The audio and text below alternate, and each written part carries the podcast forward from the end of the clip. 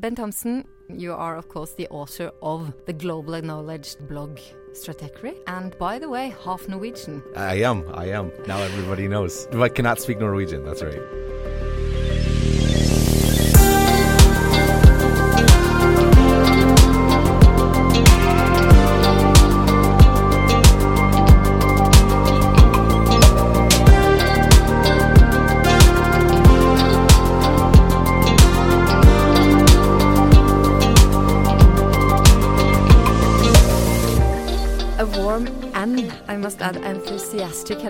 And uh, welcome to uh, Ben Thompson. Thank you. That is visiting the Tinius Trust's podcast, Tinius Talks, this time. My name is Kjersti Løken Stavrum. I'm CEO of the Tinius Trust. Uh, ben Thompson, your analysis are really by high quality and, uh, and as I mentioned, acknowledged throughout the world. How come you managed to be so on top of this very complicated development of the media technology businesses? How do you do it? Well, that's that's a uh, that, that, that's a difficult question to answer. In part because it was a very generous compliment that is hopefully mostly deserved. Uh, the, um, I mean, part of it helps that uh, it is my full time job, so I get to think about this all the time, and it is thanks to to subscribers and folks that that's possible. So it's certainly I feel very privileged in that regard. I think something that I've realized over time is I have a tendency to think sort of very systematically and sort of back up very far and try to see how various things tie together and work together. So part of it is just the I have the right format to do what uh, I sort of am interested in doing anyway, in which the way my mind kind of works. You think and analyze systematically, but how do you how do you do that in practice? I think something that it sounds sort of very simple, but there's a lot of power in the word why, where something happens and you think through why is this happening. It's particularly useful, I think, when you view industries or companies that do things that don't make sense. Like, why would they do that, or what, are they thinking? And the reality is, is if you actually ask someone that question, if you push people on that, their response is often, the equivalent of because they're stupid. I mean, they'll never actually say that, but they're like, it's so dumb. Why did they do that? Well, why do you think they did it? Uh, they don't have an answer because in their head they realize their only answer is they're dumb. But the truth is, people aren't dumb. There, you know, there's a lot of very smart people, whether it be in media companies or in technology companies. I mean, these folks are, are very smart. They're very hardworking. They know what's going on in the world. So why are they doing what they're doing, or why are they not doing what you think they should? And then you you look at that and you think about well is is it a culture factor? Is it a business model factor? Is it eh, the context that they're competing in that impacts that? And that is a systems sort of question. And those are the sort of questions that I, I try to back up and drill in on. Uh, let's be specific then. Uh, wh what has puzzled me is that, for instance, these hearings now in uh, Congress, why wasn't Google there? Why uh, is uh, Facebook following a strange policy, I would say, when they, they say they're trying to fix, but there are still always some bad news from Facebook these days. Yeah, well, I mean, not, not to pick on you, but I think that's actually a great example of what I'm talking about. If the answer to why is Facebook not doing better is because they are bad people or they're malevolent or they're doing it on purpose. I don't think that's the case. I mean, it's possible that's the case and it's certainly healthy to always have a certain bit of skepticism you know not not give everyone sort of the benefit of the doubt but in this case i think the the answer and it's not a very satisfying answer it's that these problems are incredibly difficult i mean when you're dealing with hundreds of millions of people or billions of people moving tens of billions or hundreds of billions of pieces of content and you want to get on them about you know how they police that content. I mean actually i think we're here in norway and and Aftenposten is a phenomenal example. When there was that debate a couple years ago about the napalm girl I mean, you the realize pic, the picture that Facebook uh, that, notoriously that took away, right? Yeah. But mm. but but what is all the criticism of Facebook now? They're not censoring enough, and it's and it's like you're expecting a company with that serves 2 billion people and has literally hundreds of billions of pieces of content every single day on their platform to understand that no there should not be nudity but yes this particular piece of nudity should be allowed and now should the picture of the napalm girl have been allowed. Yes it should have been. But i think i think we could get further in this debate and further in making progress if there was a little bit more graciousness, I think, on both sides. In this case, I think Facebook deserved a little bit of the benefit of the doubt. Like, it, it's a hard problem to know what pictures to censor and what not to censor. Honestly, it's interesting. I'm glad you find what I write helpful because a lot of times the answers are not very satisfying. A lot of time, all the best I can do is not necessarily what should be done, but say this is why nothing is being done because there's these 47 pieces of complexity that when reduced to a black and white headline uh, get totally lost, but they're actually really important. Is it GDPR that is driving this change within Facebook now that they're finally sort of acknowledging that that they should be more cautious about how they how they deal with data and uh, and that is why they turn up in the in the Senate or is it something else? Is GDPR going to substantially change Google or Facebook's business practices? I don't I don't think so. If anything, I think it will actually in some ways entrench them because of the complexity of, of dealing with it.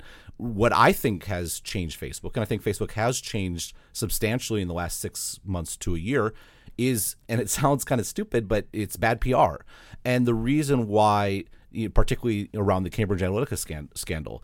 And the reason why that matters is I think the reason why Facebook is powerful, the reason why Google is powerful is not because they're old school monopolies like controlling the phone lines or controlling the railroads or things like that. It's because that's where users go. What Facebook is terrified of more than anything is the idea that they become thought of as like the digital equivalent of smoking or something where where consumers just sort of decide that this is a bad thing and they stop going and that is what will in the long run limit them uh, much more than a sort of regulatory uh, a set of rules. You think that we should stop think of these companies as platforms and treat them as aggregators. And and by aggregators, as far as I, I understand it, you, you you mean that they are they are controlling the access to the users while newspapers in in the ancient times they were controlling the distribution. Yeah, I mean the reason I, I've really started driving at this distinction is just in the internet in general. I'll, let me back up. What is an aggregator? An aggregator is a company that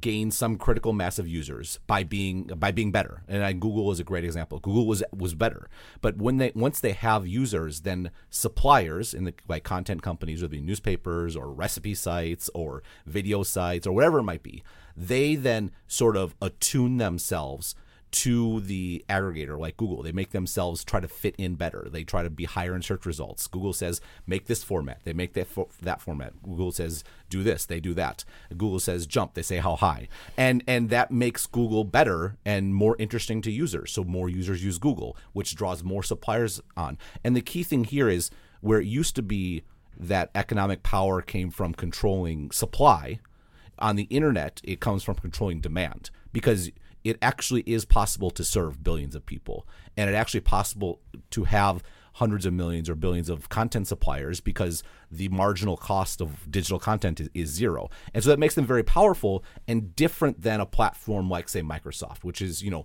what everyone thinks about when they th- think about regulating these companies because that was the last big sort of digital, you know, or technology case. And in the case of a platform like Microsoft, they're facilitating connections between third parties and customers, whether it be the applications you use, whether it be the entire sort of value added uh, resellers that are on Windows, the OEMs, they are all allowed and encouraged by Microsoft to build direct connections with customers. And Microsoft facilitated that connection. That's not what Google and Facebook do. Google and Facebook don't want you to build direct connections with suppliers. They want to be sit in the middle of it and control access and then put ads in front of you.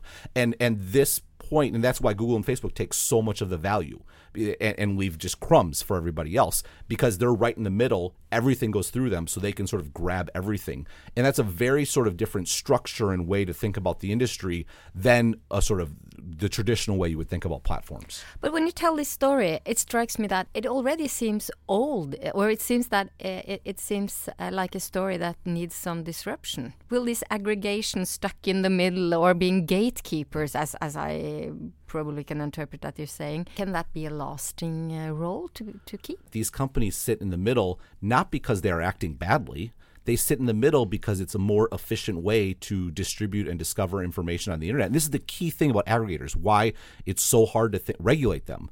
People use Google because Google is better. And people use Facebook because Facebook has the biggest network. And when I say they have a, I say they have aggregators have the best user experience. When I say user experience, I don't mean like user interface. What I mean is the totality of it.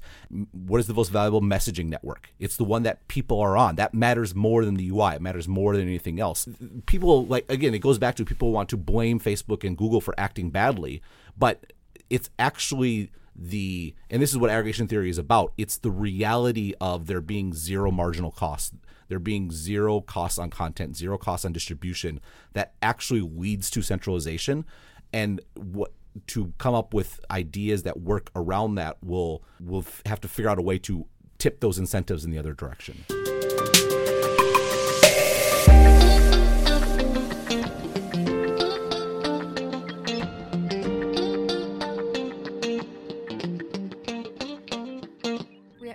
there now that we are dealing with monopolists. Uh, how did we get there in the in the era of uh, um, believing in in the market forces? And and for how long time do you think uh, the regulators, the politicians, uh, will be watching these monopolists? Well, I mean, it, it's hard. Like, is it a is it a monopoly? I mean, that's the challenge. Like, if you actually drill in on these companies, it's not clear in what sort of traditional definition of monopoly they are actually monopolies. The reality is is you know they love to say a competition is only a click away and that's actually true. Like there is no lock into using them. The real sort of monopoly if there is. Again, the definition is very tricky, but is in the advertising market. It's not necessarily in the user market.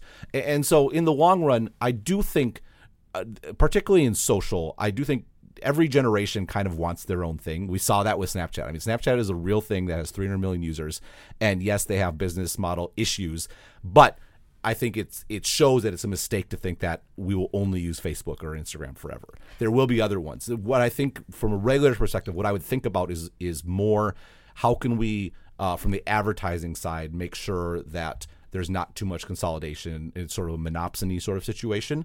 And then also the other thing that I think is important from a regulatory perspective is really pushing transparency. The real way to limit these companies is for users to stop using them. And if you want users to stop using them and because you think they're acting badly, then expose how they are acting badly and let users do it. I think regulators trying to act on users' behalf is not going to work very well. It's going to actually end up sort of locking them in.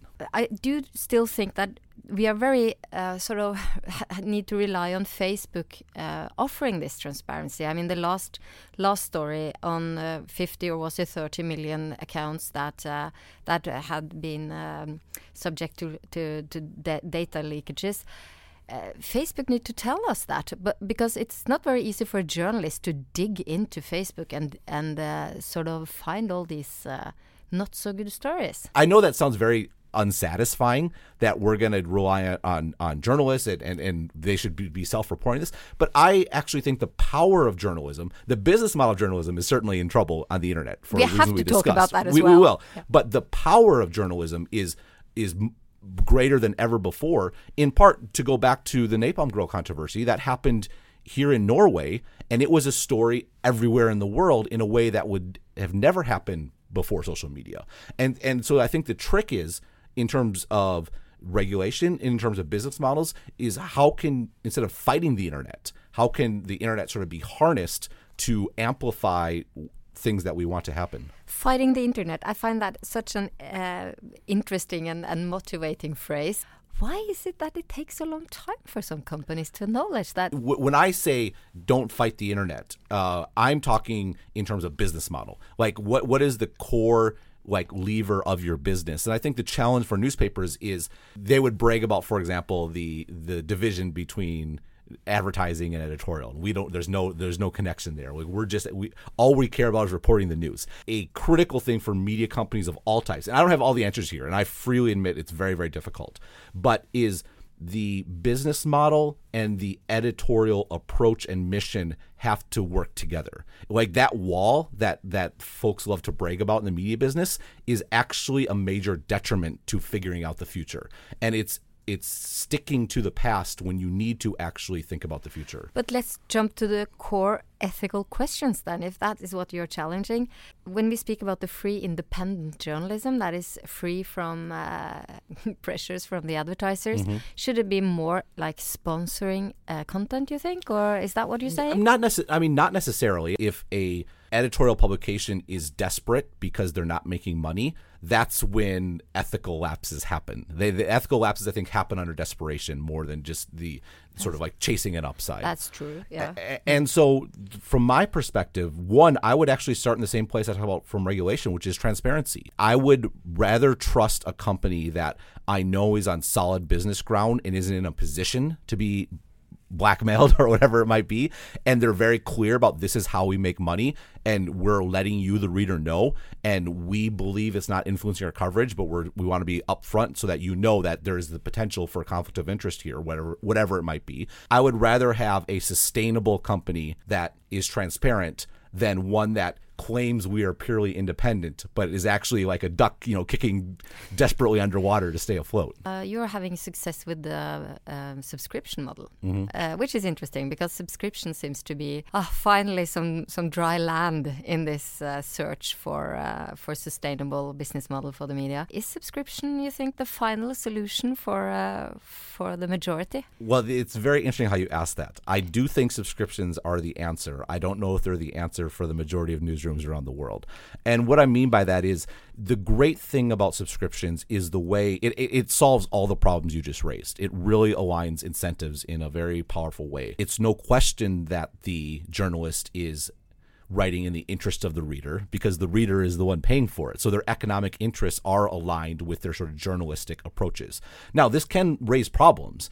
I think you'll end up seeing publications becoming more ideological because people are more motivated to support entities that support them ideologically. But the other thing to think about the subscription thing is subscription businesses have very different cost structures than traditional newspapers. Traditional newspapers are premised on advertisers reaching a huge audience and their editorial goal is to reach as many people as possible. That's the alignment is all about reach, reach, reach, reach.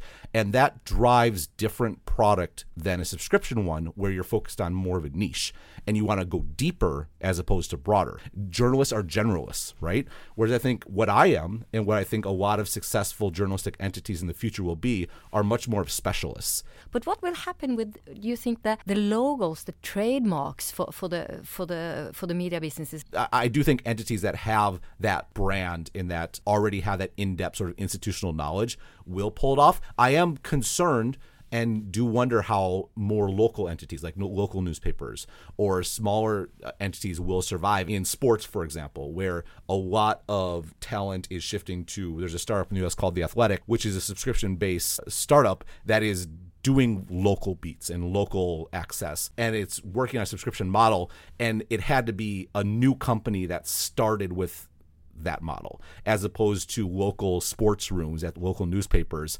rejiggering to be a sort of subscription product. Some people will always be willing to pay. The people that are willing to pay are probably already sort of differentiated from a income perspective, differentiated from a job perspective, you know, your upper white collar sort of worker and what happens to sort of the population as a whole that isn't going to pay for news? Like wh- where what, what is going to be the lowest common denominator news that survives in the long run? And i think that is a real question that i don't have good answers to to be honest and is something that i do worry about and think about. So some will be left with the junk food on the news arena you think? I i, I do worry about that.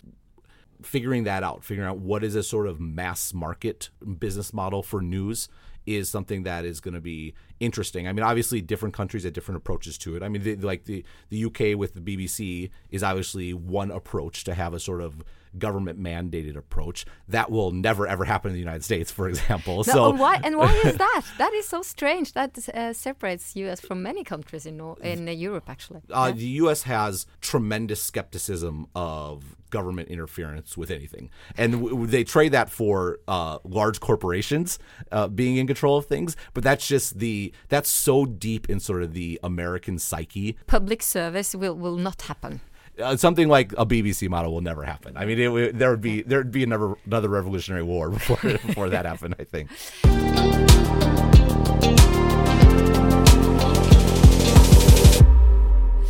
I know I can ask you about anything. I think in this in this arena of media technology, and we have to talk a little bit about voice enabling. How do you think that sort of presence in people's home will um, change the way the news media's, the, the companies, the newsrooms, the logos? How can they compete when it's only left with sound?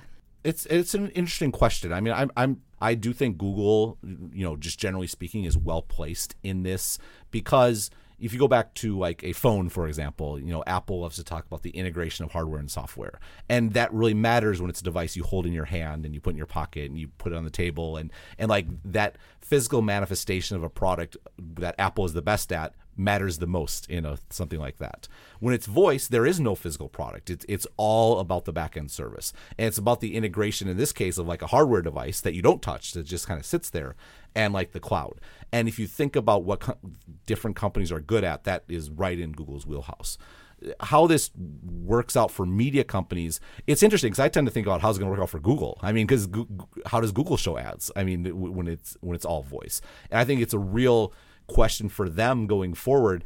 And I, I would like to come out and give you a pronouncement on how it's going to turn out and what media companies should do. But it's I don't know. Vasile, I've heard uh, you mentioned a few times this that the, the winner takes it all or the first mover takes the takes the market. Well, I think that winner takes all or first takes all matters most when there's strong network effects. Where in the case of like a classifieds business, the first one to go online and to get a critical mass of users, uh, a critical mass of sellers and buyers, it's very, very hard to displace that. Or like WhatsApp is is so huge, not because it was a great product per se, but because it was a free alternative to SMS and it was the first one in, in a lot of markets. Like that's the actual reason it succeeds. In the case of the home, is there a network effect? I don't know. I, I, I don't know yet, to be honest. Uh, there may maybe there'll end up being opportunities where there will be add-on services, and I prefer to get my daily news readout from Aftenposten, and, and, there might be a subscription offering for that. Or maybe there will be an opportunity where the daily news reading does have advertising in it, and you can sell that space. The network effect that exists in the home is between like devices and the sort of operating system, which is you know my stove works with Google, my my lights work with Google.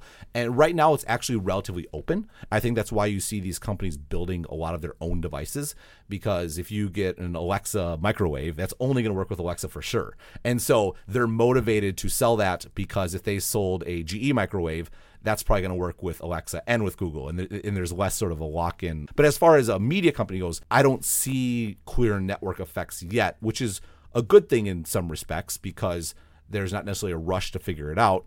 It's a bad thing because if you do figure it out, there's probably it's probably less profitable than it might be otherwise. Yeah, right. Let's put a final question now. Are you positive, or do you see do you see a bright future for uh, for media diversity, producing quality journalism as the world seems now, or do you think that uh, we should really be concerned. Almost all media companies do need to change their business models going forward, away from being primarily advertising based to being reader supported or some sort of similar model that, that, again works with the internet instead of against the internet. But if you back up and think about just journalism generally, media generally, I think there is it's tremendously exciting. I mean, I'm extremely biased on this because I am obviously an example of a new sort of journalism that is uniquely enabled and possible on the internet.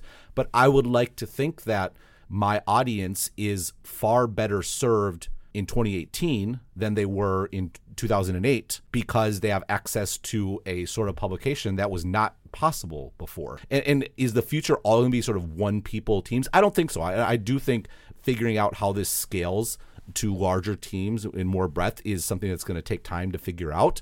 But the idea of there being all kinds of specialists in all kinds of niches with a tremendous depth of coverage that was not possible in a generalist sort of newspaper world is something that is interesting and exciting. But if I if I hear you correctly, you say that for those who charge money, it boils down to to trust and transparency.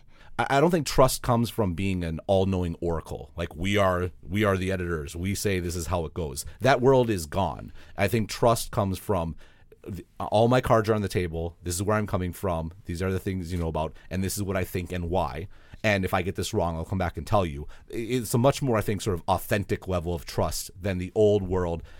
I'm going to trust Aftenposten because it's the newspaper. I think that world is is is gone. I do think that the future is going to favor specialists, more specialist journalism, people willing to pay because it actually is different than all the sort of surface level stuff you get everywhere else. Mm. I think we'll close up there. Thank you so much for coming, Ben Thompson. Well, thank you. Uh, I enjoyed the conversation. Thank you.